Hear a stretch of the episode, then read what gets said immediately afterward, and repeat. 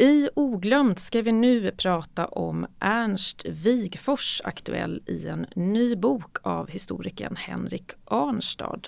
Wigfors framställs nu som en supersosse och frälsarfigur. Just det, vi vill prata lite om hur, eh, huruvida vi behöver en räddare i samtiden. En historisk hjälte som kan stå för optimism och framåtanda i en tid av pessimism. Ja, och kan då den här hjälten vara inte någon nutida politiker utan någon som var aktiv för hundra år sedan? Och vilken roll har då historikern? Just det, precis. Eh, en äldre eh, historieskrivning med objektivitet och fakta som eh, huvudfokus möter en, en eh, samtidshistoriker som kanske dessutom är, eh, tillåter sig att vara känslomässigt engagerad i sitt material och vilja någonting med det eh, hen lyfter fram.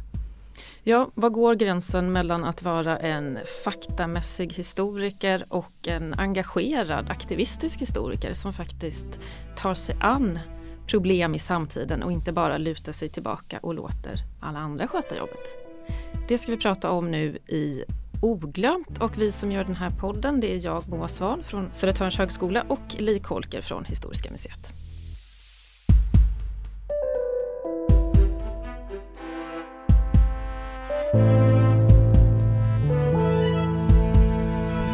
Ska vi börja med att diskutera den här nya boken som är skriven av Henrik Arnstad om sossen Ernst Wigfors. Och Li, en, en första fråga. Visste du vem Ernst Wigfors var innan Henrik berättade för dig att eh, jag har en cool bok på G och den handlar om Ernst Wigfors? Nej, jag hade aldrig hört talas om Ernst Wigfors. Eh, och jag är i och för sig då som arkeolog inte jätteduktig på 1900-talshistoria men jag är ju för all del ganska intresserad av samtidshistoria. Så nej, det hade jag inte. Jag är väldigt förvånad. Mm. En samtida politiker, Per Albin Hansson, hade du känt igen det? Oh ja, ja. honom fick vi lära oss om i skolan ju. Ja, men då det, honom kommer jag ihåg. Nej men precis, det var förvånande faktiskt att eh, Wigfors eh, har gått under radarn så med tanke på hur stor betydelse han verkar ha haft. Mm. Ja men det är ju, det är ju en, en ny eh, bok, Den förbannade optimisten heter den va? Mm. Eh, och eh, det är ju liksom härligt det här hur man kan tycka att nya böcker om liksom män i historien är intressanta. För det är ju mm. lite av en, en liten fnissig eh, historisk grej, eller hur? Att man undrar lite hur många intressanta män i historien finns det som man kan lyfta upp på ett individuellt plan. Liksom.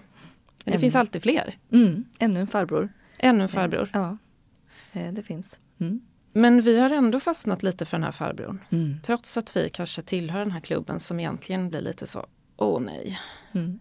En farbror till. Verkligen. Vad ja. är det som gör det? Ja men eh, det är intressant. Sen, eh, jag tänker så här att eh, vi är nog, även du och jag, eh, ständigt på jakt efter en hjälte och en förebild på något sätt. Eh, och det kan man hitta i sin samtid. Eh, man kan också hitta det i historien.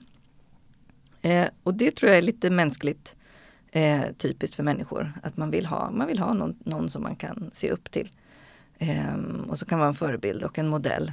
Eh, och det är, för, tycker jag, att Ernst Wigfors eh, kan vara mm. i vår samtid. Och det beskriver Henrik eh, Arnstad också.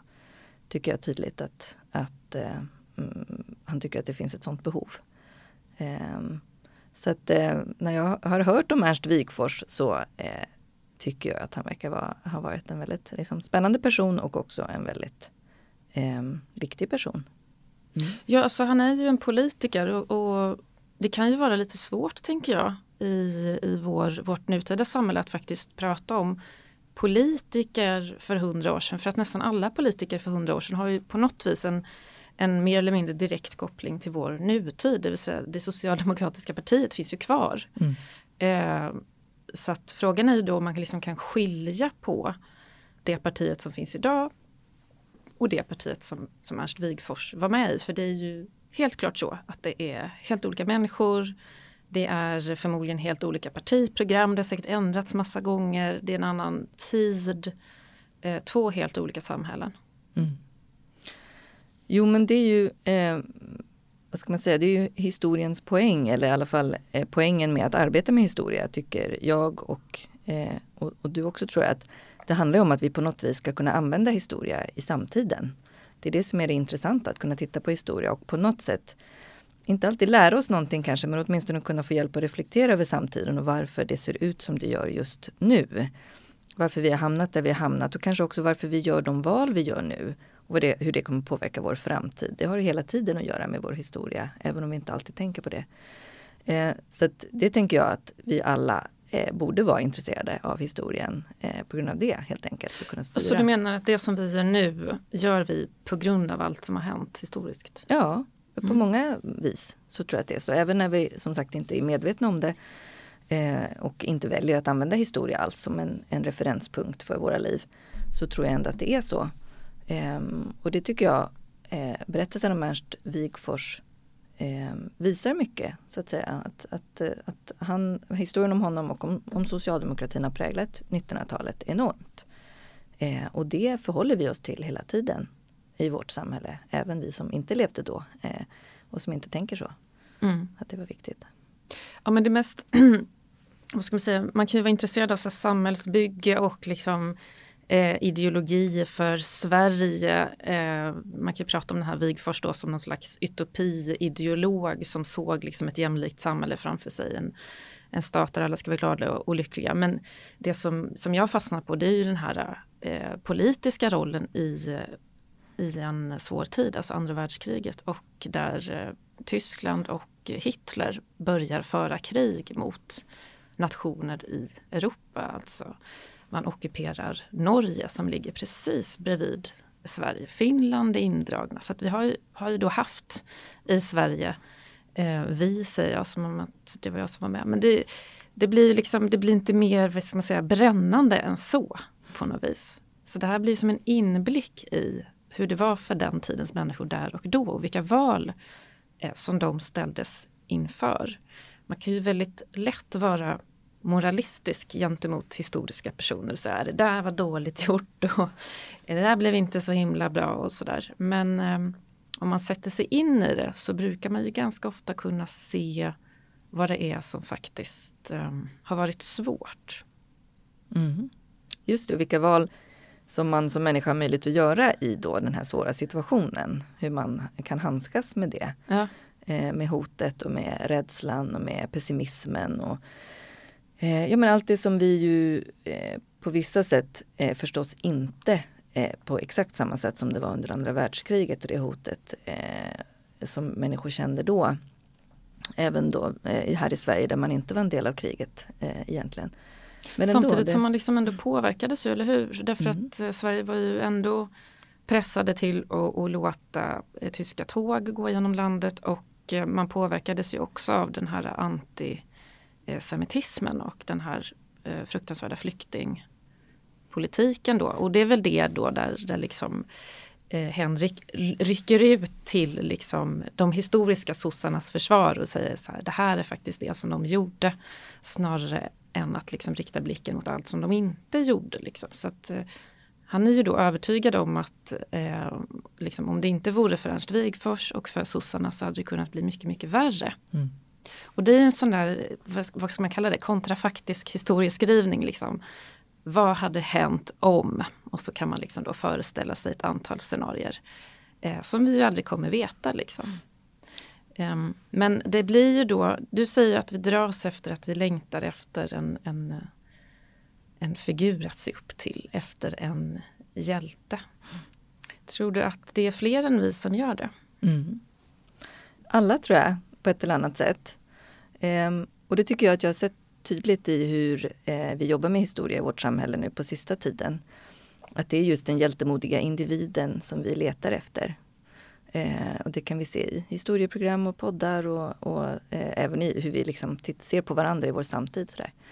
Eh, det har vi stort behov av och det förstår jag verkligen. Jag tror att det är mycket mänskligt ehm, eh, sätt att vara. Men jag kan också tycka att det är problematiskt och kan vara lite rädd för eh, det här med att lyfta ut en individ som blir just en frälsare eller en hjältefigur. Så jag står verkligen och väger där. Jag, jag liksom vill lite kasta mig vid Ernst Wigfors fötter.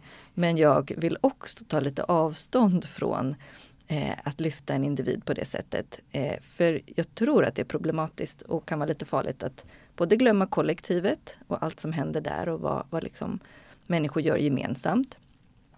Eh, men också att lyfta fram en person, för det, blir, det, har, det kan bli väldigt svart eller vitt. Eh, och det kan bli att en person eh, bara får vara en sak. Eh, ond eller god. Ehm, och att det, nyanserna försvinner helt enkelt. Eh, och där tänker jag att, att, när man lyfter fram en individ också då, på det sättet, då måste man vara väldigt säker på att det är en bra person som kommer fortsätta att vara den här hjälten och förebilden. Måste det vara det då? Ja, alltså jag tänker Hitler. Då då. Om vi nu ska du prata drar Hitlerkortet. Jag drar, precis, ja. jag drar Hitlerkortet.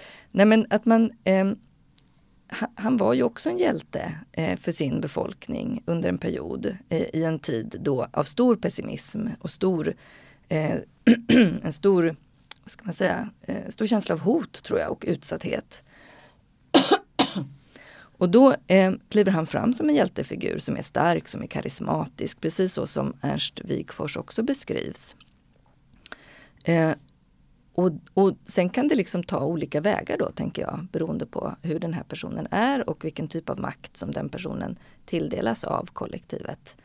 Eh, man kan hamna väldigt snett där och man kan, det kan också gå väldigt bra. Eller man kan hitta, ha en person sen som man faktiskt kan använda som en förebild i sin samtid och i framtiden, som då Ernst Wigforss till exempel. Men det är lite touch and go där, man kan stå och väga lite där, eh, tror jag. Jag har lite svårt att se att liksom Ernst Wigfors slash Hitler på något vis hamnar lite nära varandra. Nej jag vet, det är verkligen varandras motsatser. Särskilt som då Henrik Arnstad också påpekar tydligt i boken att han är ju en brinnande liksom, eh, antinazist. Eh, ja, Ernst Wigforss Ernst Wigforss, ja, precis. Eller var det. Men, var men det, som, mm. det, som, det som är skillnaden då det är ju att nu är det inte att vi skulle hylla en, en person då som lever här nu utan att ha en hjältefigur från förr är väl också mm. lite tryggt på ett sätt ja. eftersom att eh, det är inte en levande människa som kan komma och ta något i anspråk. Mm. Däremot så, så skulle man ju kunna vara lite sådär, ha okej okay, men om vi nu lyft, lyfter den här karln, då kanske sossarna nu drar fördel av det och ja, då blir det ju genast jättepolitiskt så det kan vi inte hålla på med. Jag upplever ju att det, att det på, på vissa sätt är enklare att hitta de här individuella hjältarna, att man går ännu lite mer tillbaka mm. i tiden. 1800-talet började kännas lite tryggare för det finns inte de här direkta kopplingarna. Ja, det skulle vara Karl Marx eller jag vet inte, mm. Mary Wollstonecraft, feminist och så vidare. Men, men på det stora hela så känns det som att det är det är lite mer tryggt att dra på liksom, ja, om man nu gillar Gustav den andra Adolf mm. liksom. Men att gilla kungen vi har idag liksom, det har helt andra innebörder liksom. Då är man royalist men att vara så här, ja Gustav Vasa gjorde ändå ett bra jobb. Just det. Samtiden är laddad och historien är liksom en trygg spelplan kanske för att både testa olika saker men också eh, visa sin ståndpunkt i samtiden beroende på vem då man väljer att hylla eller eh, knyta an eh, mm. till i historien. Ja men alltså, för att 1900-talets personer de, de lever ju inte så vi kan inte granska dem sådär totalt men det finns ju ändå väldigt tillräckligt mycket material för att vi också ska kunna upptäcka deras dåliga sidor. Eh, och mm. så där hemskt mycket material kanske man inte har då om man går längre tillbaka i tiden. Så tänker jag. Mm. Men nu känns det som att jag snurrar in mig lite det här om man får lov att hylla och inte hylla. Eh, men jag, jag, tänker att det som är intressant här det är ju ändå så här, men nu har, ju, har vi ändå bok där. Eh, nu har ju Henrik gjort sitt val. Liksom, att så här, jag ska kombinera eh, den här hjälten, jag ska våga vara optimist och jag ska också hävda eh, min objektivitet. Så det är som en påse av liksom allt. Men mm. vi kanske ska lyssna på, eh, på intervjun. Ja. Mm.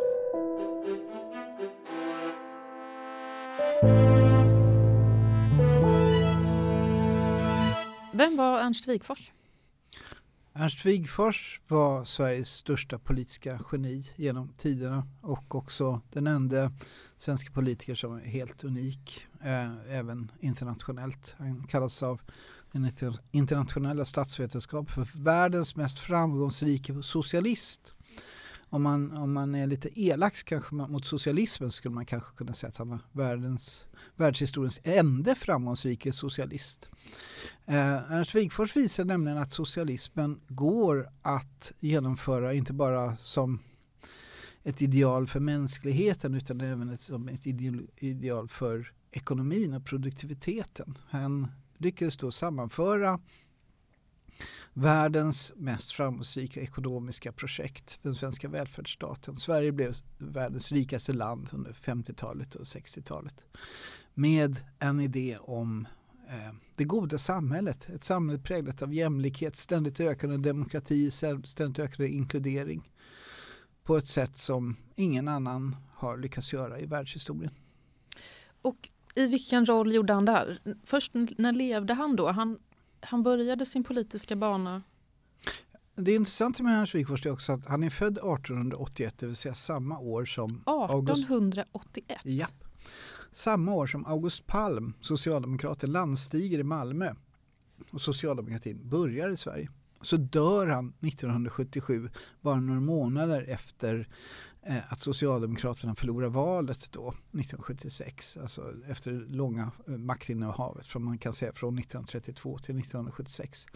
Så hans liv är också liksom socialdemokratins födelse och död kan man då säga i, i Sverige. Han sammanfattar alltså den socialdemokratiska historien, den socialdemokratiska framgångssagan som alltså då tar slut i samband med hans död. Och jag tror inte heller att det är någon slump att eh, socialdemokratin förlorar sin maktställning i och med ja, eh, Ernst Wigforss död. För han var så pass viktig för socialdemokratin. Han var socialdemokratins främste ideolog och drömmare samtidigt som han också då var praktiker. Och det gör honom unik att han både kunde drömma och att han kunde göra praktisk politik. Och vilken roll hade han då i, eh, i socialdemokratin och i regeringen då förstår jag det som? Ja, framförallt så var jag då finansministern med stort F, den största finansministern då. Eh, och hans initiala eh, stora framgång består i att han, han räddar Sverige undan depressionen eller att han då frälser Sverige undan depressionen. Han inför en helt ny ekonomisk politik Alltså depressionen kanske vi kan säga då 1930-talets stora eh, ekonomiska eh, nedgång Eh, som började då 1929 med den stora börskraschen i USA. Den svarta måndagen var det väl, har jag för mig. Svarta fredagen kanske det var. Ja, en, svart, en svart dag i alla fall. en svart dag. En svart dag i alla fall. Eh, där då hela, ja, hela 20-talet, det glada 20-talet tar slut över en dag. Och den de här ekonomiska, de som vet hur det egentligen ska ske allting. De säger ja nu går ekonomin ner, nu måste vi spara. Nu måste vi dra in på utgifterna och sånt där. Men Ernst Wigforss han har läst de allra modernaste ekonomiska liberala och socialistiska teoretikerna. Framförallt vänsterliberaler som säger att prova att göra tvärtom istället. Prova, om, om ekonomin går ner, prova att liksom dra på istället och, se, och få igång hjulen och snurra igen. Och det här provar Ernst Wigforss och alla är då ensom i Sverige om att det är fullständigt ekonomiskt vansinne. Den socialdemokratiska finansministern provar den här metoden. Får jag fråga då, eh, liksom en vän av ordning eller demokrati. Eh, hade alltså finansministern då väldigt mycket makt om man liksom som en enskild individ kan ha så mycket inflytande? Ja, han har det. Alltså från 1928 och fram till 1932 så profilerar sig Ernst Wigforss som den mäktigaste socialdemokraten i Sverige. Och det är en position som han i stort sett behåller ända fram till sin död 1977. Så nej, kanske inte normalt, men i det här fallet ja. Han skaffar sig en enorm makt, personlig makt över socialdemokratin. Både då som finansminister eller finanspolitisk expert Eh, och också som ideolog, den stora ideologen, den stora drömmaren som visar liksom mm. riktningen framåt. Sant, för att eh, du har ju en annan podd, En svensk tiger, ihop med Ola Larsmo. Eh, där dels också Ola Larsmo har ägnat sig en hel del åt den här tidsperioden före andra världskriget och under andra världskriget och det här som har blivit något av en liksom, het fråga i svensk historiedebatt. Liksom. Vilken skuld hade socialdemokratin i nazismens, vad ska man säga, stora inflytande i Europa. Man kan säga att det är så mycket en fråga om debatt igen, utan en fråga om att en massa rasister ljuger om Socialdemokraterna och så står vi historiker på andra sidan och säger att det här är ju det här är ju fullständigt galet det du påstår. Det här är ju lögner och propaganda. Men man, kan säga, man kan säga att rasistens syfte med att ljuga om Socialdemokraterna är att de själva är rasister och, och har ofta nazistiskt påbrå. Då får man försöka liksom att skälpa skuld åt andra. Förintelseförnekarna, när de var som mest aktiva på 90-talet, de jobbade också så att de försökte, ja men vi måste ju få debattera, vi måste ju debattera detta. Och då sa historikerna att nej, förintelsen har ägt rum, det är ingenting mm. att debattera så att säga. Men det är helt rätt som du säger, det pågår liksom en det rasistiska, högerextrema, fascistiska Sverige kör en ganska hård kampanj sedan ett par år tillbaka om att Socialdemokraterna var liksom de riktiga nazisterna. Och Ernst Wigforss som då var den viktigaste, eh, mest kraftfullaste, stridbaraste antinazist som existerade i Sverige tillsammans med, med några andra socialdemokrater visar ju att det här, det här är ju fruktansvärda lögner egentligen. Därför att Ernst Wigforss satte sitt liv i risk tack vare sin antinazism. 1940 när Hitler står på höjden av sin makt och Ernst Wigforss fortfarande då kraftfullt käf käftar emot Hitler, alltså till varje pris.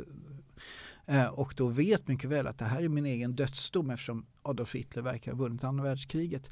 Det är ju ett enormt hån mot de här människorna att då liksom sammankoppla dem med, med nazism idag. Men det gör ju de här rasisterna i sina lögner och propagandaverktyg. Eh, mm. Men alltså när jag, när jag, när jag nu formulerade det som en, en historisk debatt så känner jag så här, ja, men nu gjorde jag det här klassiska journalistiska misstaget att man hela tiden delar upp världen i två sidor och så ska man vara opartisk och för, förmedla så här, här för eller emot.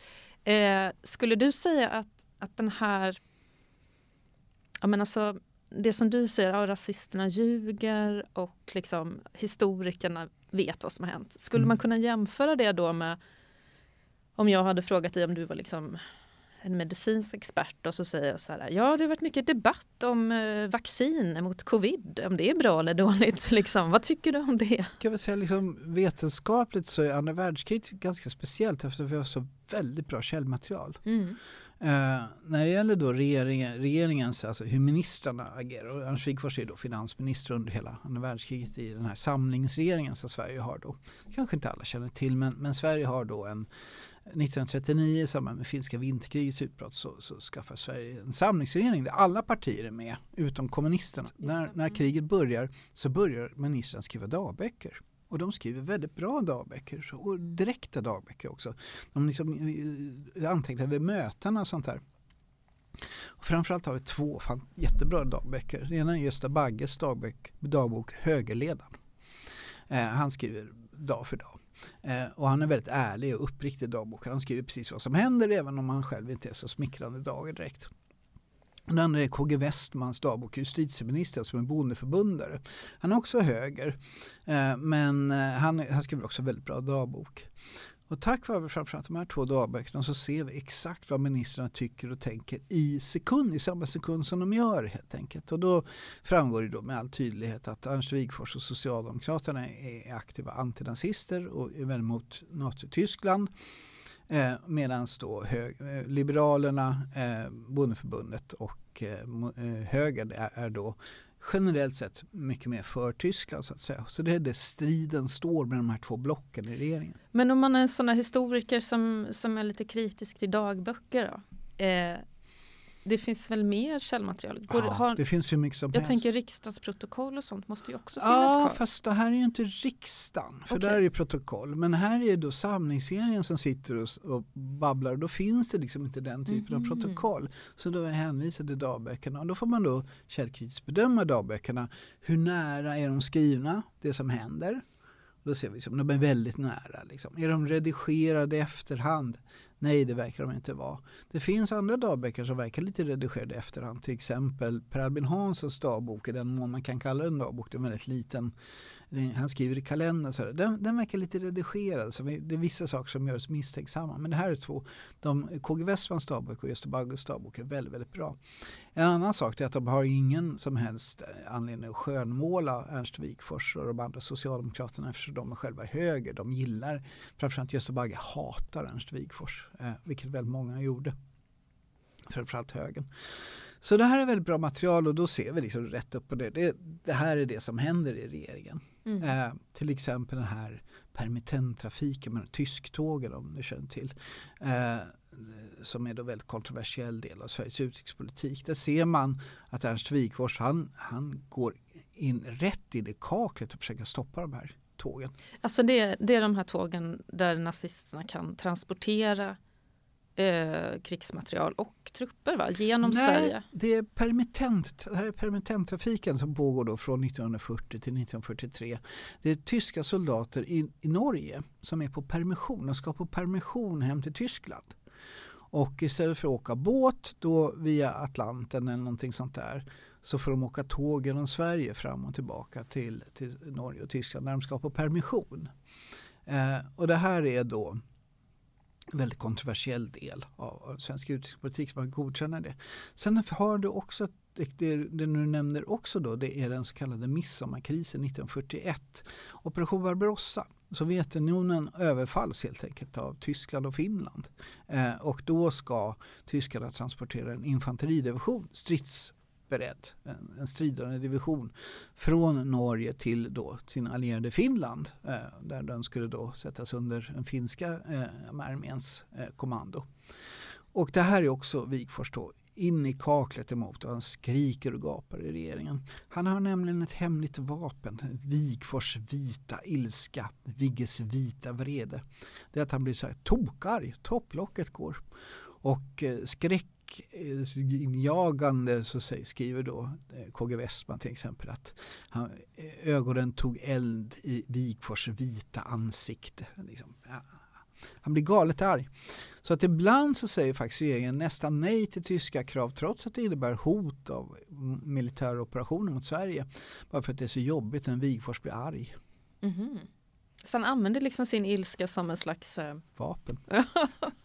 Hellre att Hitler kommer och invaderar oss än att Wigforss blir så där jobbigt där. Han kan fullständigt krossa, det finns en, den tyskvänliga ÖBn till exempel, ÖB, svensk, Sveriges överbefälhavare. Törnell, han är väldigt tyskvänlig och korkad. Eh, och då njuter liksom Wigforss av att krossa den här knäkten med sin vita ilska. Folk hämtar sig aldrig. När de blivit utskällda av Wigforss så hämtar man sig aldrig. Utan vissa liksom lämnar sina jobb för tid och evighet och sånt.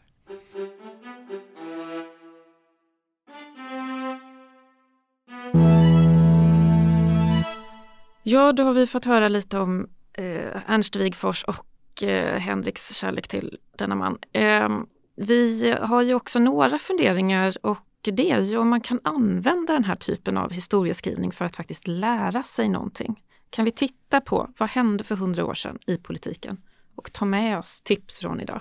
Kan en liksom, politiker av idag läsa den här boken och bara, ah okej, okay, det här som han gjorde, det ska jag testa eller det här som han gjorde som inte funkar, det får jag undvika.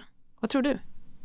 Jo, men jag tror det. Um, och jag tror ju, lite som vi pratade om i början där, att eh, om man eh, vill det så kan man ju använda historia lite som en testverkstad för sina framtidsvisioner. Eh, att det är svårt att sitta i sin samtid och försöka vara visionär kring vad som kommer hända i, i framtiden och hur vi behöver, vilka val vi behöver göra nu för att få den framtid vi vill ha eh, och den samtid vi vill ha för den delen. Men och där kan historia hjälpa till. Eh, att, att vara som en testverkstad eller som en, en spelplan där man kan se hur, vilka typer av val människor har gjort, hur det gick, vad som gick fel och varför. Eh, eller vad som blev bra och hur det kom sig. Och där tänker jag till exempel tar ju eh, eh, författaren Henrik upp det, det här kring depressionen då, och olika val man kan göra i en, en ekonomiskt väldigt pessimistisk situation. Eh, och där har man då en modell så att säga, eh, ganska svart på vitt för hur man kan tänka. Eh. Ja, du tänker på den här ekonomiska modellen mm. för att om, om, om ett land befinner sig i en ekonomisk kris mm. istället för att spara så ska man satsa, eller hur? Satsa sig ur en kris. Ja. ja. Det var det som var tanken då med Alfa 30-talets depression. Mm. Just det. Ja, nej men för att jag, jag tänker mycket mer på den här eh, rädsla för fascismen. Mm. Alltså att det finns, finns många människor som i dagens samhälle är liksom rädda för att just fascistiska krafter ska ta över och att demokratin är sårbar och att den just nu då är hotad. Eh, och ett, ett, ett exempel som jag, som jag sett i, i vår eh, ska man säga, politiska debatt men också nyhetsmedier. Det är ju snarare att man, man lyfter fram de dåliga exemplen, att man vill visa så här ja men Vladimir Putin är ju som Hitler och vi måste agera nu och, och så kommer nästa sida bara va men är det verkligen så, går det verkligen att jämföra? Eller ehm, nu kommer liksom högerextrema partier fram i folkvalda parlament. Det är precis som upptakten till andra världskriget. Och så nästa sida. Nej men precis som andra världskriget är väl ändå inte. Så ibland kan jag liksom ifrågasätta lite så här, men hur, hur kan detta leda oss framåt? För att väldigt ofta landar i en diskussion om vad är samma och vad är annorlunda och kan vi verkligen liksom. Så det här hur ska man använda mm. historieskrivningen? Även om man vill lära sig av den då. Eh, samtidigt så tänker jag att för egen del så kanske man inte måste debattera med hela världen utan det kan ju räcka för ens egen del. Liksom att jag anser eller jag tycker att just nu så är jag rädd för högerextrema krafter. Så att då kan man ju själv välja på något vis att okej, okay, här har vi en bok om en, någon som faktiskt kämpat mot fascistiska krafter i sin tid. Eh, Mm. Och då måste ju inte jag ta debatten med liksom hela Sveriges befolkning om huruvida man kan lära eller inte kan lära. För att jag kan ju lära mig om jag vill. Liksom. Men då hamnar man ju i den här liksom, eh, det som brukar kallas som den postmoderna världen, att vi alla går runt med varsin sanning mm. på något vis och varsina perspektiv. Att, ja, har du din ideologi så har jag min och så lever man i sina bubblor. Mm. En annan del av mig undrar ju om det någonsin har funnits en tid där alla tyckte likadant. Nej. Jag ska ifrågasätta det, det tror jag inte. Nej, det tror jag inte att det har funnits någonsin. Men, det har definitivt funnits många olika tider där man har haft en förväntan på sig att man ska tycka mm. likadant som alla andra. Och det lever vi ju inte i och det ska vi ju, tänker jag, vara väldigt glada mm. och tacksamma över och är, vi är ju det också. Men, nej, men jag tänker att som du säger, det är ju oftast eh, Eh, det, det, går ju att debattera vad som har hänt i det förflutna. Eh, och ju längre bakåt i tiden man kommer desto lättare är det. så att säga. Men även för det som hände för inte ens hundra år sedan under 1900-talet. Det går ju absolut att debattera och det görs ju hela tiden. Eh, och ehm, eh, i det så, så är det ju nog viktigt tror jag att att man gör någon sorts val, både som e-, enskild person som du säger, att man kan välja till exempel att läsa en bok om en en 1900-talspolitiker och ta med sig någonting eh, ur den av optimism för framtiden exempelvis. Men också som historiker då, att man behöver göra någon sorts val och eh, vara tydlig med det. Eh, vad, vad, vad, vad, vill jag? Inte vad jag tycker eller vad jag känner eller så. Eh, det kan man ju lämna därhän. Men vad vill jag eller vad, vad menar jag med min historieskrivning? Eh, och och eh, historikern som då Henrik Arnstad eh, beskriver i, i, under intervjun har ju en viktig, ett viktigt samhällsuppdrag i det. Eh, att presentera fakta, eh, att vara objektiv i sin metod då, alltså att man kan beskriva hur har jag tagit mig an det här materialet för att få den här kunskapen. Men ja, men då, går ja. det att förklara det på något enkelt sätt Li? Jag tänker du jobbar ju som pedagog på ett museum och träffar vanliga människor mm. varje dag därför att eh, det kan ju upplevas som väldigt provokativt att man ska behöva debattera saker som det finns forskning kring och som man har kommit fram mm. eh, till för länge sedan. Jag tänker att det är jättemånga som till exempel varit väldigt trött på antivaccinare under mm. pandemin till exempel. Där det är så här, ett, vaccinet är uppfunnit sedan länge. Två, det finns forskning som visar att vaccin faktiskt fungerar. Liksom. Mm. Och att man kan säga att den lilla risken då att någonting med det skulle gå fel är så pass liten i proportion till det vi vet och det som faktiskt funkar. Då kan man ju bli lite trött på att behöva mm. debattera någonting. Eh, och, och, det kan jag ju tycka då att nej men har du liksom ägnat dina högskolestudier åt att på ett professionellt sätt lära dig hur du ska kunna fastställa saker som har hänt historiskt. Och det är jättetröttsamt att sitta och debattera med någon som inte ens har läst böcker eller mm som inte ens bryr sig om då att kunna belägga saker när man mm. då själv tycker att så här, nej men, eh, har man då de här dagböckerna som skrevs under de här förhandlingarna i svenska riksdagen under andra världskriget. Man kan se liksom vad folk där och då skrev och tyckte. Och sen, det är väldigt tröttsamt då med någon som bara, ja men det bryr inte jag mig om. Det betyder mm. ingenting. Att man är så här, jo fast det gör det liksom. Mm. Det är ju på ett sätt en slags vetenskaplig metod som, som gör att man kan faktiskt påstå eh, vissa saker. Sen kan man ju mm. använda olika vetenskapliga förhållningssätt men det finns ju vissa regler som ändå är, vad ska man säga, gemensamma. Mm. Och det är klart att just eh, sossarnas roll under andra världskriget har ju liksom blivit så. Att det har blivit en debatt och äh, men det var deras fel. Och, och någonstans där kan det bli frustrerande eh, tänker jag då när man själv är väldigt intresserad och påläst om just andra världskriget att, att det blir sådär eh, du säger si och jag säger så, mm. allt är lika mycket värt. Och att man är så nej det är det inte. Mm. Därför att eh, det går faktiskt att eh, läsa in sig på vad som har hänt. Mm. och även om man själv inte vill göra det då, det blir, det blir svårt när det är lika goda människor på båda sidor. Och jag kan ju, jag kan ju förstå argumenten då för att vara en en engagerad historiker, inte bara liksom att argumentera utifrån det, det, man vet och det man har tagit fram, utan också för att argumentera för sin egen roll. Liksom. Alltså att, att gå till vad ska man säga, den historiska forskningens försvar. Mm. Och det tänker jag att man inte behöver vara forskare själv för att göra, utan man kan också ta del av den forskningen som finns och föra ut den. Mm. Och där är väl ditt museum ett, ett bra exempel på, på en verksamhet, ett, att även om ni också har forskning så är det ett stort uppdrag att faktiskt föra ut det som redan finns, det vill säga ni måste säga om och om igen det som man har vetat jätte, jättelänge mm. liksom. Och fortsätta att säga samma sak till nya generationer, till nya människor. Mm. Och att, eh, ja, men att forskning kanske är lite annorlunda på det viset, att man kanske inte ska forska om samma sak igen. Nej. Alltså kom vi fram till det här på 1970-talet, liksom varför ska vi forska på nytt. Mm. Eh, men jag tänker att, att då liksom som, eh, som att skriva en bok om då en, en, socialdemokratisk politiker. Det kan ju vara eh, motiverat av, inte att vi behöver de här forskningsrönen utan att vi behöver också visa för människor idag liksom, hur det faktiskt var under en tid som blir då väldigt ifrågasatt. Mm. Men att det är två helt olika saker, att, att forskningen och eh, pedagogiken mm. kring historia inte alls baseras på vad vi behöver ta reda på. Det är som att, ja, vi behöver inte forska särskilt mycket mer, fungerar vaccin ja eller nej? Mm. Men man kanske behöver visa då igen. Titta nu, nu gör vi till experiment på mm. vaccin, ja det funkar. Mm. Just det. Ja men jag tror det, för det här med faktaresistens då, det växer ju liksom i vårt samhälle eh, så till en grad att man till och med kan eh, tänka ett helt, under hel, sin hela livstid att världen är platt och sådär. Eh, och, och, det är ju helt, kan ju vara obegripligt tycker jag med tanke på hur mycket forskning och fakta och naturvetenskap och så som vi har lutat oss eh, mot. Men det finns och då tänker jag just att eh, det, då blir det nog så att det, det, om det kommer mer forskning så behöver inte det betyda så jättemycket för människor i allmänhet. Eh, den måste finnas där som en bas ju, för det, det är ju så vi kan veta någonting.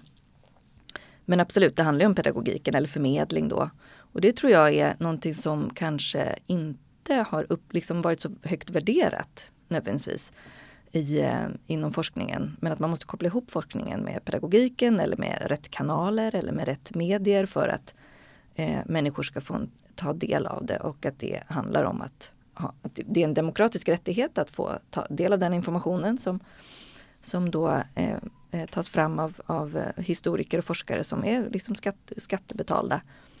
Eh, men att det måste göras på rätt sätt för att det ska eh, landa hos människor.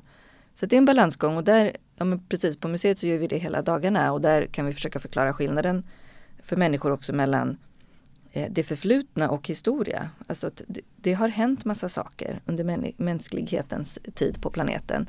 Men vi väljer aldrig att berätta om allt det, utan vi väljer ut saker och det vi väljer ut handlar ju jättemycket om vad vi tycker att vi behöver just nu. Eh, och det kan man behöva vara tydlig med. Eh, varför och hur och sådär. Eh, för annars så kan det ju bli så att man till slut kanske blir eh, eh, avfärdad. Ni berättar ju alltid bara det här, men det här har ju också hänt. Ja, precis. Men historia handlar om det vi väljer att liksom skriva och lyfta fram och det är precis det som Henrik Arnstad gör då med sin bok.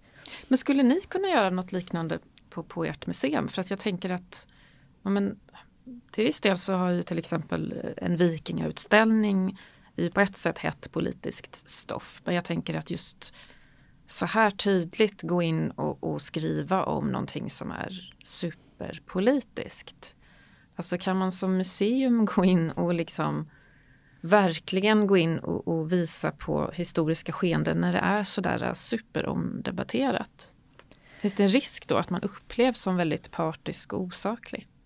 Ja, det tror jag att det finns. Eh, och ett, eller jag tror att vi, eller jag uppfattar i alla fall eh, eh i museet branschen nu att vi är ganska upptagna med att tänka kring det. Vad händer när vi tar olika typer av ställning eller när vi uppfattas ta ställning? Eh, det ju, behöver inte vara det vi gör utan det kan ju vara att vi presenterar forskning och fakta. Eh, men om det då råkar slå an en sträng i samtiden på något eh, starkt sätt så kan det ju bli så att vi uppfattas som väldigt eh, partiska. Och det är då man behöver kunna liksom redovisa lite processen just det här. Vad, vad, är forskning egentligen? Hur går det till? Och nej, det handlar inte om att det är någon som har suttit och tyckt något i ett rum mm. i fem år och sen kommer ut och berättar det. Utan det handlar om så, liksom en metod som man använder sig av. Vad är arkeologi? Vad är historia? Eh, så det ägnar vi oss ganska mycket åt. Men jag tror att det, det, finns en osäkerhet och precis som vi hörde Henrik i intervjun säga att historiker idag kanske är lite osäkra på sin roll i samhället. Man kanske inte riktigt vågar gå ut och debattera eller, eller vara i offentligheten. Det tror jag gäller alla som jobbar med historia. Eh, för att det kan, det kan bli och vara väldigt laddat och det måste vi prata mycket om och bestämma oss för tror jag hur vi vill förhålla oss till det. Mm.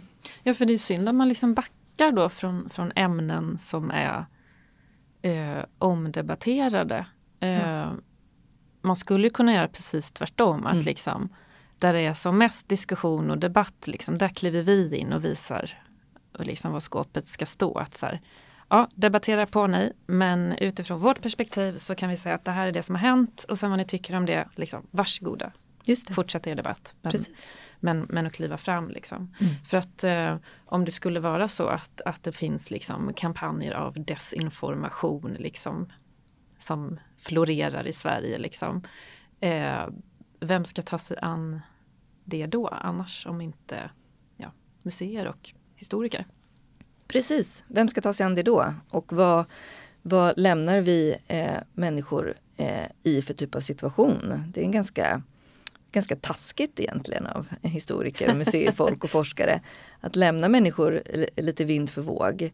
Eh, och att man behöver känna sig tvingad att lyssna till någon som inte har kunskapen och som faktiskt inte har eh, tillgång till eh, forskningen om det som faktiskt har hänt. Ja. Det känns ju lite oförskämt. Så det tycker jag verkligen att där behöver vi ta, en, eh, ta vårt ansvar helt enkelt. Mm, jätteviktigt. Mm. Men då tycker jag vi lyssnar på på mer om Ernst Wigfors och eh, intervjun med Henrik Arnstad. Det blir bra.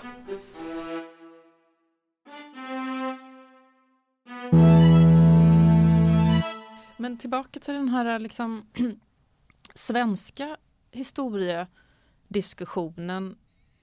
Hur kommer det sig att du gör en bok om Ernst Wigfors just nu när socialdemokratin inte alls är så där populär som den var under den perioden och när det också finns den här stora ja, men kritiken fortfarande. Jag skulle säga att du pratar om extremhögern och att de eh, ifrågasätter Socialdemokraternas roll under andra världskriget. Men jag skulle säga att det där har väl slagit igenom väldigt brett.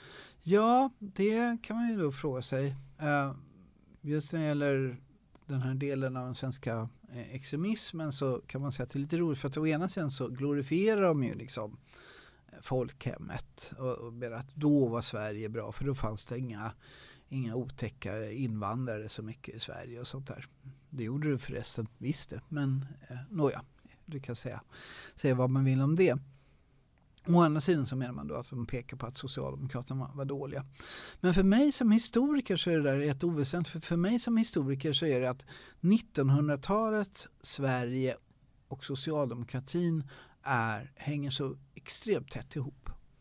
Oavsett om man är socialdemokrat själv eller om man, liksom, vad man tycker om Socialdemokraterna så kan man inte förneka att 1900-talet, Sverige och socialdemokratin är, det, det, det, är Socialdemokratin är en politisk monolit. socialdemokratin skaffar sig liksom makt att själv genomföra ett politiskt projekt och skapar då ett politiskt projekt, det vi kallar för välfärdsstaten, folkhemmet, det goda samhället och, och alla de här. Den svenska modellen säger man ju då internationellt. Liksom. Där ett relativt fattigt land i Europas periferi går till att bli i princip världens rikaste land. Världens mest välmående land och också ett land som inspirerar hela världen i fråga om, liksom, om samhällets konstruktion. Att det är liksom, här mår människor bra helt enkelt, relativt bra i alla fall. Och är man det minsta intresserad av nutidshistoria då blir ju då Wigfors som då är den huvudsakliga arkitekten bakom allt detta. Han blir ju då en, en enormt viktig person i Sveriges historia. Alltså det är ungefär som att säga, men vi ska inte bry oss om Gustav Vasa liksom. För han, han var ju kristdemokrat, eller vad var han? Det vet jag inte riktigt vad han var. Men eh, eh för att vi kan liksom inte titta på Sverige under 1500-talet och bortse från Gustav Vasas inverkan. Lika lite kan vi titta på 1900-talet i Sverige och bortse från Ernst Wigforss påverkan. Det är liksom lika fel. Och skillnaden är att det finns ganska mycket att läsa om Gustav Vasa. Men det finns ingenting i princip eh, i fråga om biografier att läsa om Ernst Wigforss förutom hans egen självbiografi. Men om du jämför det med liksom socialdemokratin har väl varit ändå relativt duktiga på att också skriva sin egen historia och, och bevara arkiv. Är det inte Åsa Linderborg som har skrivit sin avhandling om eh, Socialdemokraternas historieskrivning? Hur kan, hur kan man då ha missat Ernst Wigforss? Jo, därför att de var bra på det fram till säg 40-50-talet eller 40-talet snarare. Eh, Åsa Lindborgs fantastiska avhandling, eh, Socialdemokratin skriver historia tror jag att den heter, handlar just om det, liksom att när Socialdemokraterna blir statsbärande parti, vilket man i princip blir då 1932 i och med att Ernst Wigforss får igenom, vinner valet kan man säga, eh, med hjälp av med ett samarbete med Per Albin Hansson till exempel, då, den stora partiledaren. Då. Eh, där är det viktigt med historieskrivning för att liksom, nu ska vi vara ett statsbärande parti och då kan, måste man liksom skriva sin egen historia. Intressant nog så jämför man sig gärna framförallt med Gustav Vasa. Eh, då han byggde landet och vi bygger landet. Liksom. Men idag är socialdemokratin demonstrativt ointresserad av sin historia. Eh, Socialdemokraterna vet att man någon gång haft en gubbe som inte är Ernst Wigfors men vad han gjorde det är öppet för tolkningar. Liksom, sådär. Ena dagen, Ernst Wigfors, en sak med Ernst Wigfors att han tyckte väldigt illa om marxismen och Karl Marx. Han tyckte Karl Marx var långtråkig. Vilket jag kan hålla med om för övrigt. Men ändå. Eh, det kommunistiska manifestet är väl den roligaste läsningen som finns. Men idag kan man liksom bekymmerslöst läsa socialdemokrat som påstår att Wigforss var marxist. Mm. Bullshit, det var han inte alls det. Men han får liksom bli vad han blir och, och några, det finns ett par australiensiska statsvetare som Ernst Wigforss är mycket större utomlands än i Sverige kan man säga generellt. Han är väldigt stor bland utländska statsvetare. Som popartisten Meja. Ja, bland annat. Eh, I alla fall eh, så tittar de på Ernst Wigforss och säger de att han finns liksom i den svenska sossepanteon, liksom, de här heliga männen. Eh, Wigfors, Branting, Per Albin Hansson, eh, August Palm, så här, gubbar, gubbar, gubbar. Men i alla fall, Alva Myrdal kanske också.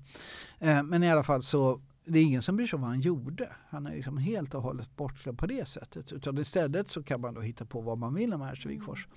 Men Ernst Wigfors själv, han visste ju precis vad han gjorde och vad han ville. Och det ska bli mig en ära att visa den här boken.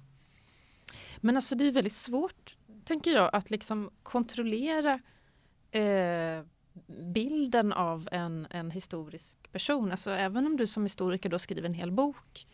Eh, ah, om folk sen kallar honom marxist eller inte, alltså det känns ju som att eh, hur, får man liksom, hur kan man liksom kontrollera den här vad ska man kalla, minneskulturen av historiska händelser? Där det liksom just socialdemokratin, även om du säger att socialdemokratin själva struntar i sin historia så är det ju många andra som är väldigt intresserade av att skriva den historien.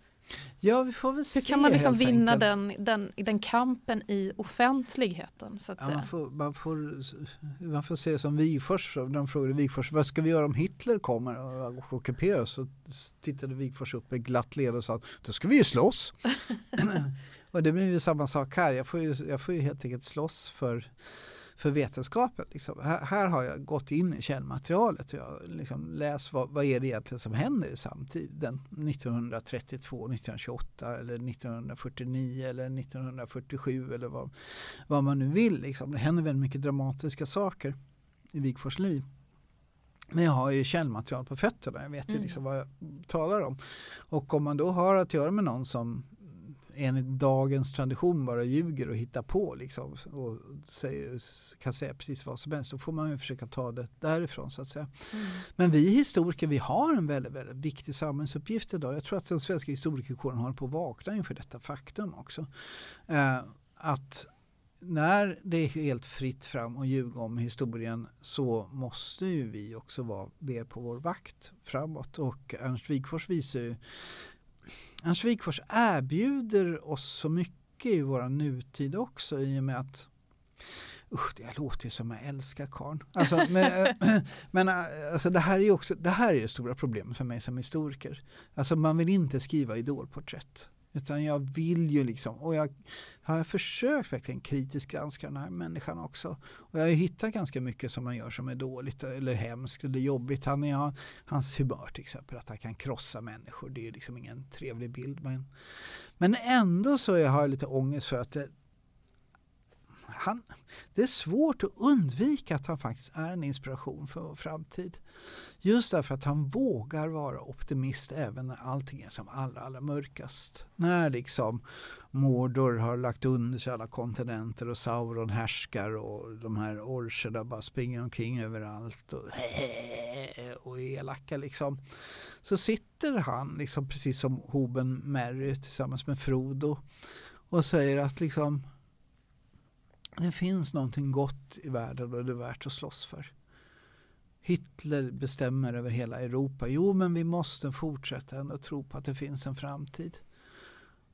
Och just den här optimismen, alltså när vi lever i den här dystopiska, pessimistiska, fruktansvärda samtiden som vi lever i. Allting är bara hemskt. Och allting bara är fruktansvärt så säger Ernst Wigfors till oss att det finns alltid hopp. Liksom. Det var värre för mig kan han liksom säga. Titta på mig, jag levde liksom 1940 när Hitler bestämde över hela Europa. Eh, sen sitter du med några löjliga sverigedemokrater i, liksom, skärp dig. Liksom. Och då, då får man kanske lite hopp. Klimatförändringarna är fruktansvärda men det går faktiskt att åstadkomma mirakel. Det, det visar. Palme sa en gång politik att vilja. Eh, och Ernst Wigforss gillade aldrig Olof Palme. Eh, han tyckte att han var för babblig. Men... Eh, är det inte svårt att skriva den här typen av du säger att vi lever i en pessimistisk tid. Är det inte också då svårt att eh, skriva historia om en, om en optimist? Jag tänker att det finns ju komikern Dave Chappelle har ju sagt om, om Donald Trump att han var en honest liar. Att han hade liksom ingen han låtsades inte vara god liksom, utan det var som tydligt från starten att så här, han, han utnyttjar systemet och liksom, det här är Dave Chappelles åsikt. Liksom, att så här, han, han är liksom öppen med att han är självisk på något sätt och därför funkar det. Medan de som säger att de är goda, att man tänker liksom direkt då att nej men det kan inte stämma. Nej. Och så jag tar man hellre... Alltså för, om man känner mig så vet man att det är någonting jag är trött på så är det pessimism och dystopi. Och jag, alltså jag har så svårt, jag har så kära vänner som liksom säger ah, jag ska skriva en science fiction-roman, en dystopi. Det så, och så, men skärp dig vill jag bara säga. Alltså, det finns en miljard dystopier redan. Skriv motsatsen. Och vi har ju pratat med varandra i din fina podd där om, om Star Trek. Där, som, mm, liksom, Södertörns forskarpodd. Ja. Och jag, jag tror att vi så intensivt behöver en optimist eh, i, i vår samtid. Jag tror att där, jag tror att det är därför jag har så svårt att, att, eh, att hantera Ernst Wigforss liksom icke-känslomässigt sådär. Därför att just hans optimism, den, boken heter ju då Den förbannade optimisten, mm. eh, Ernst Wigforss, att, att vi behöver detta så intensivt och detta tror jag också oavsett vår politiska tro, liksom, är vi höger eller vänster eller vad vi nu mm. liksom tror på. Jag tror att just därför kan han, han har någonting viktigt att säga oss och det är helt enkelt hur jävligt den må vara så finns det faktiskt hopp om en lösning och att det kan bli bättre. Jag har bevisat det. Liksom. Jag tog, han tog 30-tals depression och gjorde det till ett av Sveriges mest framgångsrika ekonomiska decennier någonsin. Bara genom att satsa på folk. Folk ska ha schyssta löner, folk ska ha arbetslöshetsersättningen ska vara hög. För då går man på bio och då köper man nya skor och man köper en cykel och då rullar liksom hjulen igång. Och då kan man säga idag att liksom, ja, men det är väl kanske inte så bra med tanke på klimatförändringen mm. då, att vi ska köpa nya skor hela tiden. Nej, men vi kanske kan liksom satsa på, på klimatförbättrande åtgärder och också liksom få igång hjulen på det sättet. Så vi bygger höghastighetståg mellan Stockholm och Luleå så kommer det hända väldigt mycket med Sverige liksom, på många olika sätt.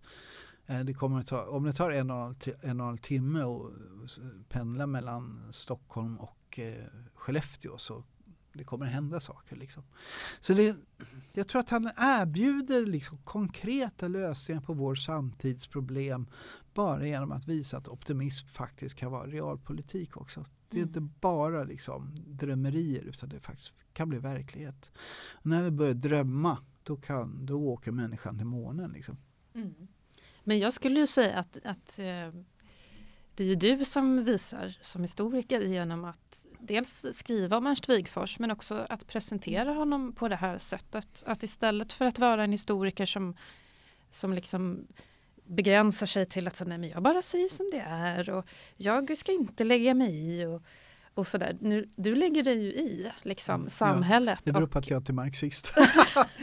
Marxistisk historiker. Man skriver som det var så skriver man det. Uh, Nej, men jag, jag, jag är en sån där jobbig postmodernist, jag är Foucault-lärjunge. Nej men jag, alltså, det är den här frågan du ställer då, liksom, den eviga frågan för alla historiker uh, som du också brottas med. Nämligen, har, har vi något att lära av, av historien? Har vi någon praktisk nytta av historien? Och det jobbiga mm. svaret är att vad du vill lära dig av historien så kan du hitta någonstans i historien där du lär dig exakt det du vill lära dig. Liksom. Är det så att ja, men, usch, alla judar är hemska människor, då kan du liksom på något sätt jobba med ja, det förflutna på något sätt. Alla teser kan liksom hitta sitt stöd på något sätt i det förflutna. Och då får man ju då arbeta med sig själv som historiker och tänka att ja, ja men jag är inte bara liksom någon som hittar på saker om antisemitiska världskonspirationer utan jag har ett, fakta, ett faktakrav på mig själv. Och där kan vi då liksom de facto se att tidsperioden 1932 till eh, 1973 kan man säga då är Sverige exempellöst framgångsrikt. Och att ställa frågan varför och hur är liksom inte bara fantasier. Och sen kan vi peka på romerna hade det för jävligt och har det fortfarande för jäkligt. Sexuella minoriteter hade det för jäkligt och har det fortfarande för jäkligt. Men de hade det mer för jäkligt under Wigforss än, än, än, än eh, de har fått det bättre sen. Eh, det vill säga det finns en massa, massa fel. Liksom, pojksteriliseringar i Sverige. Och det hade liksom Wigforss kunnat, kunnat stoppa. Så det var inte så att det så kallade folkhemmet var perfekt på något sätt. Folkhemmet hade väldigt mörka baksidor. Men skillnaden mot idag är väl liksom att den starka kraften i samhället ville ändå göra det bättre. Det var liksom det man ville, liksom. det var den drivkraften fram för alla. Eh, det här med folkhemstanken, liksom, goda hemmet känner inga styrbad eller avfällingar. Det goda hemmet är alla schyssta mot varandra. Liksom. Det är det Per Albin Hansson då, säger 1928, folkhemstalet. Och det var ju liksom en, en dröm. Och drömmar förverkligas aldrig ens av Ernst Wigfors. Liksom. Men man kan fan mig försöka i alla fall. Man kan liksom göra sitt bästa. Och så kan jag tycka liksom att Ernst Wigforss ändå liksom väldigt långt före sin tid, till exempel i sitt hat mot antisemitism, som liksom är i en tid när andra historiker pågår, påstår att det fanns ett antisemitiskt bakgrundsbrus, att alla var antisemiter. Liksom. Och då visar han att nej, det, det behöver man inte alls vara. Men det där är ju väldigt inspirerande tycker jag Henrik. Eh, därför att ibland kan det kännas lite hopplöst eh, att, att försöka skriva historia om någonting som går emot bilden av det där som alla egentligen vet hur det var. det vill säga det här bakgrundsbruset, det antisemitiska bakgrundsbruset. Och så har du hittat en individ där du kan peka på att nej, alla var inte så. Nej, det finns precis. faktiskt skillnader. Exakt, och det, det där brottas man också med som historiker ofta för att när man liksom pekar på jag har till exempel pekat på Carl von Linnés betydelse för rasismen. Liksom att, han, att han gjorde väldigt viktiga saker när det gäller att modernisera rasismen och föra rasismen in i ett nytt, ganska hemskt oh, tidsepok. Och då, då, får man alltid svara att ja men samtiden var ju så, liksom, alla var ju så då när Carl von Linné levde. Och då kan man peka på, nej det var banne mig inte så. Människor har liksom varit antirasister med dessa lika länge som funnits rasism. Liksom. Men, men där finns väl historiker som menar på att, att Carl von Linné snarare la grunden för rasism men att själva begreppet rasism och raser användes först i slutet av 1800-talet. Ja, det, det stämmer jättebra. Alltså rasismen kan man säga startar på 300-talet i, i eh, romerska imperiet. När eh, romerska imperiet kristnas då upp, då blir antisemitismen blir statsideologi i romerska imperiet. Eh, och det här har man liksom pekat på, här liksom föds rasismen. Men det, ordet finns ju inte då alls överhuvudtaget. Eh, det är som när det... historikern Maria Sjöberg eh, skriver om Aristoteles som liksom grunden till patriarkatet. Att ja. han var liksom Jaha. den första misogyna mannen liksom som, ja. som men skapade. Men fanns kanske ordet patriark då? Eh, ja det vet jag faktiskt ja, inte riktigt. men, men det är liksom men, som... alltså, begreppet rasism, alltså begreppet ras kommer långt efter efter 300-talet. Mm. Eh, och begreppet rasism kommer på 30-talet för att beskriva Nazityskland. Mm. Det är liksom, Nazityskland, där är de rasister. Och sen långt efteråt så kommer då eh, anglosaxiska forskare på att rasismen är nog äldre än Nazityskland. Och så pekar man på den eh, internationella slavhandeln till exempel mm. med, med svarta och så vidare. Så att ja, det finns rasister på 1600-talet men ingen kallar sig för rasism.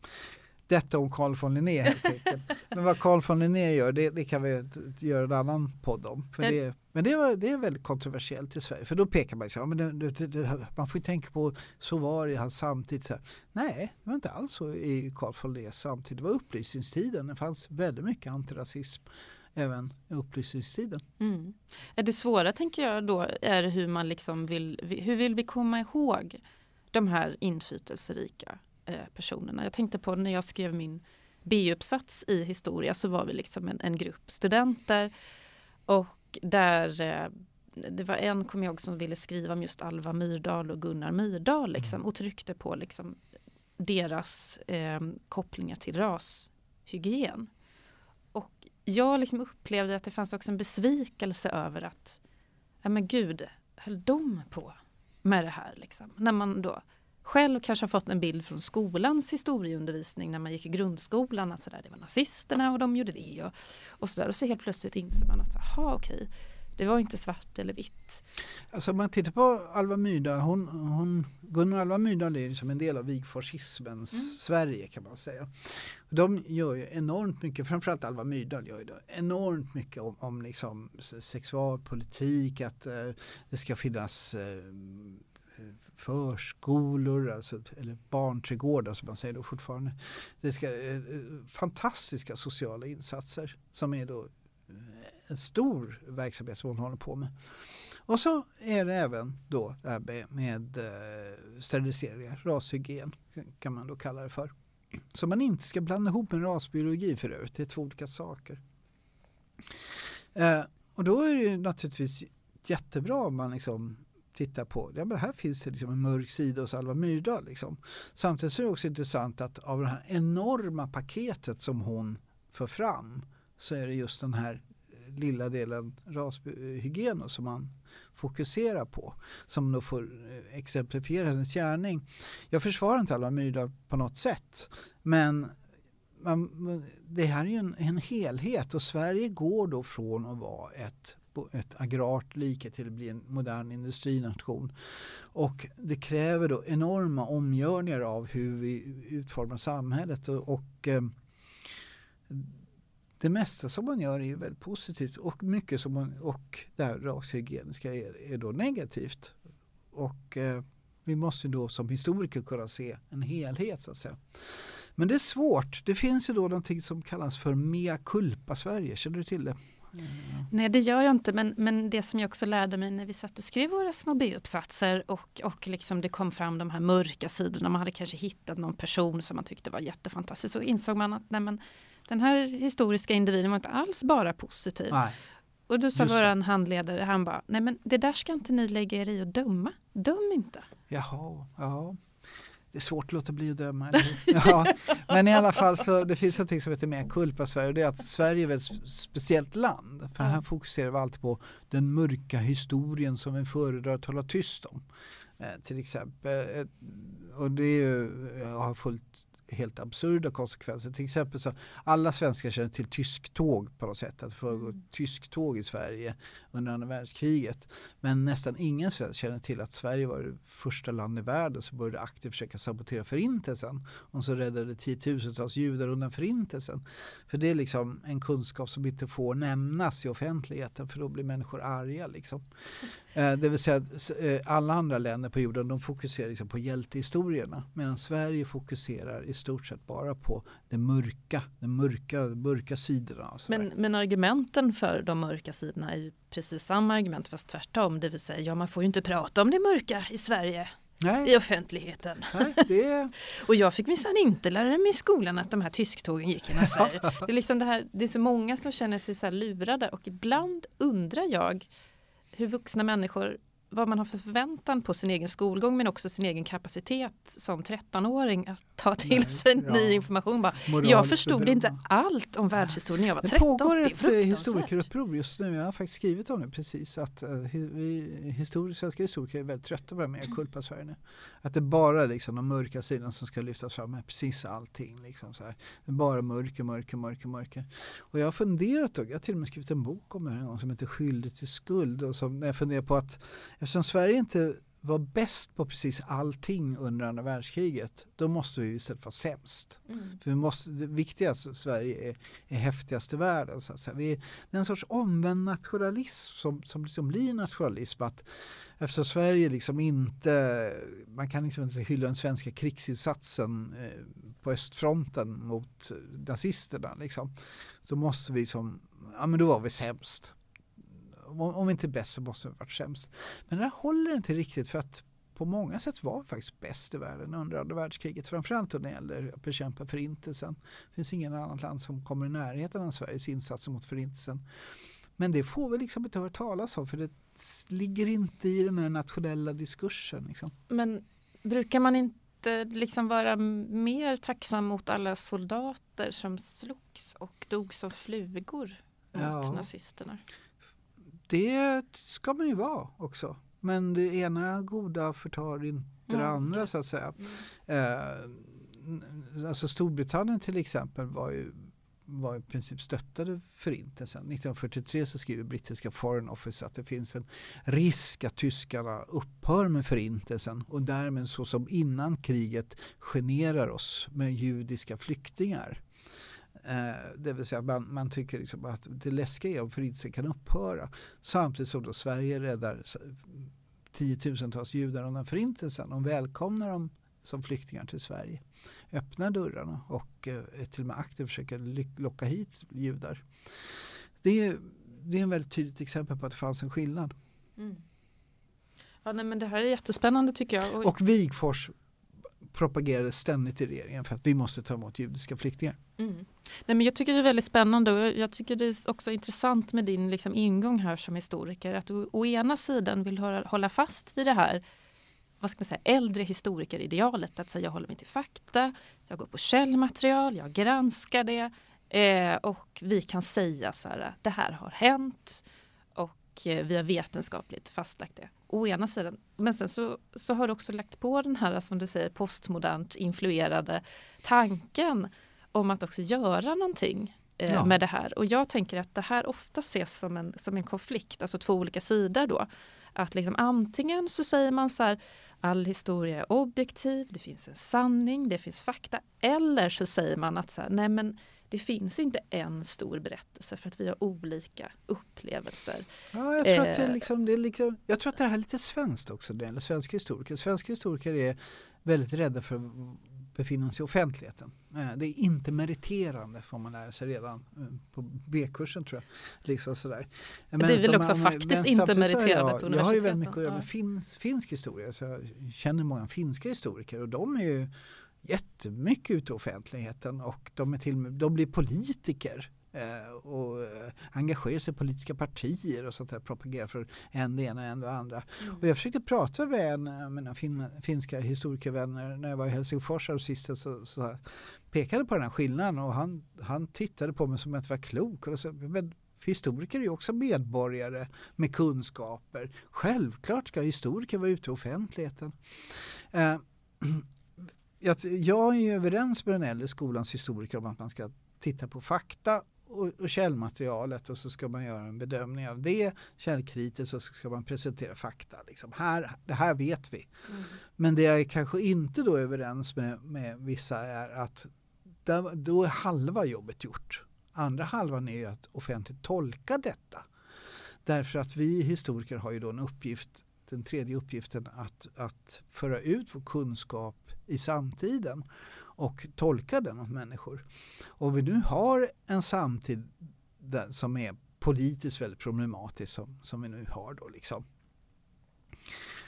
Då har ju vi historiker en massa historisk kunskap i hur, hur hanterar man den här typen av extremistisk politik. Och det är ju tjänstefel att svenska historiker är så tysta. Här har då skattebetalarna betalt utbildning till massa människor som idag är professorer och docenter och så sitter de tysta på universiteten. Det är ju, vi har ju betalt din lön, ut med dig och debattera. Ja, men vi får väl hoppas då att fler historiker lyssnar på din uppmaning Henrik Arnstad och stort grattis till att du äntligen får ut din bok om den kära Ernst Wigfors. Ja herregud, det tog alltså från 2006 nästan när jag jobbat med den här. Mm. Det är inte klokt. Och nu är den klar och finns ute att läsa. Tack så mycket för att jag fick vara med. Ja, tack för att du var med Henrik.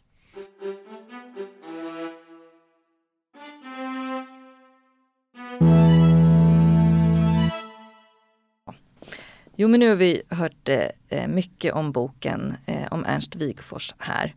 Eh, och eh, den kan man absolut läsa i sin helhet. Men eh, eh, vi har ju börjat tänka mycket efter vi hört en intervju med Henrik och eh, sådär. Vi tycker många olika saker om, eh, om Ernst Wigforss och vad vi liksom kan använda den historieskrivningen till eh, och vad det betyder för oss idag. Mm. Ja, och några av de eh, grejerna som liksom vi har lyft är ju dels ska man berätta historia om individer på det här sättet och liksom vad, vad blir det av det? Mm. Eh, där tyckte du då Li att eh, du, du reserverar dig lite mot det här att lyfta fram individer snarare än bara stora kollektiv. Samtidigt som vi också båda tycker att det är lite lockande. Alltså vem mm. gillar inte en, en supersosse och en eh, superantinazist som liksom har trotsat liksom, mm. det värsta som vi kan föreställa oss ungefär. Mm. Eh, det är lockande, eh, men också vilken roll som historikern har. Och det här kanske är så teman som vi kommer få fortsätta gräva i, tror jag. Jag tror det också. För det handlar ju mycket om vad vi eh, tycker att vi kan använda historia till i samtiden. Och det är det som också den här podden handlar mycket om. Mm. Eh, att göra historia. Eh, hur gör vi och varför? Och vad ska vi ha historien till mm. i vår egen tid? Men jag tror att det som jag tar med mig eh, absolut mest från eh, att eh, titta in på liksom det här författarlivet som Henrik har suttit i tio år liksom och, och lärt känna Ernst Wigfors på något på något speciellt sätt och är ju liksom, ja men verkligen han är helt toppen. Det som jag tar med mig är ju att faktiskt, ja men, eh, att börja lyfta individer som hjältar i samband med just andra världskriget, förintelsen.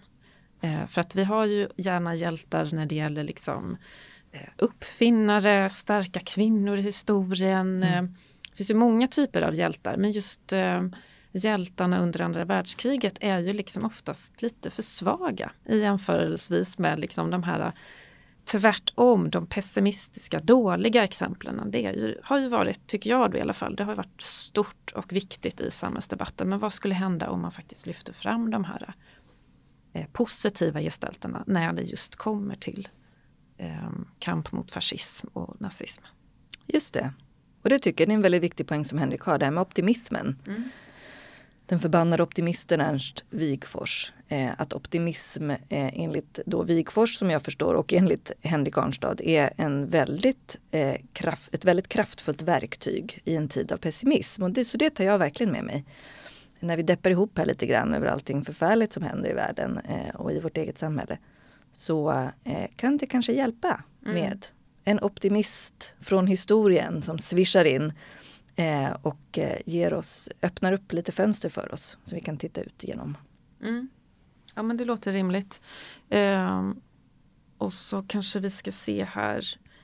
Eh, men tycker du att det finns anledning att vara mer kritisk till eh, Ernst Wigfors boken bara för att det handlar om en sosse? Eh, nej.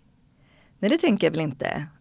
Um, Nej men jag tänker att eh, om man gör den kopplingen då som, som eh, Henrik Arnstad eh, gör i sin bok som jag förstår att liksom socialdemokratin och 1900-tals eh, eh, historia i Sverige är så intimt sammankopplade och i det så finns den här personen då Ernst Wigfors som en väldigt viktig figur. Ja men då är det en, en viktig bok och en viktig berättelse som kan få oss att förstå eh, både kanske hur eh, eh socialdemokratin ser ut nu förstås men också hur, varför Sverige ser ut som det gör nu. Um, och i det kunna då kanske hitta lite olika vägar att gå. Mm. Att historien öppnar upp för olika möjligheter eh, för eh, framtiden så att säga. Vilka vägval vi kan göra. Mm. Måste man liksom tugga i sig motsvarande bok nu om någon högerledare från 1900-talet för att liksom upprätthålla sin inre balans? Mm, balansen, precis, den objektiva balansen. Ja, det beror på om de är lika roliga som Ernst Wigforss. Då kan jag tänka mig att göra det. Um, Rika kvinnor är roliga tycker jag. Mm. Eh, Selma Lagerlöf. Ja, alltså hon var ju fattig på vissa sätt men för sin tid och för att vara kvinna hade ju hon faktiskt ganska goda möjligheter. Mm. Som många andra kvinnor under samma tid inte hade. Så det är kanske är det man kan unna sig då. Mm. Någon rik pompös eh, eller Precis. min eh, favoritlesbiska lärarinna Maja Beskow från Umeå. Eh, den kan man, henne kan man också läsa om. Hon mm. älskade pansarbåten och eh, var höger och kristen. Men tydligen var ju alla kristna då. Men mm, det är sant. man kanske inte måste köra liksom värsta högerpolitiken för att liksom få sitt, sin inre balans. Nej men precis, man kan checka av det liksom med, precis, en högerkvinna, rösträtts högerkvinna eh, men som älskar eh, militären. Mm. Mm. Ja, men det kan man göra. Mm. Tack för idag Li. Tack snälla Moa.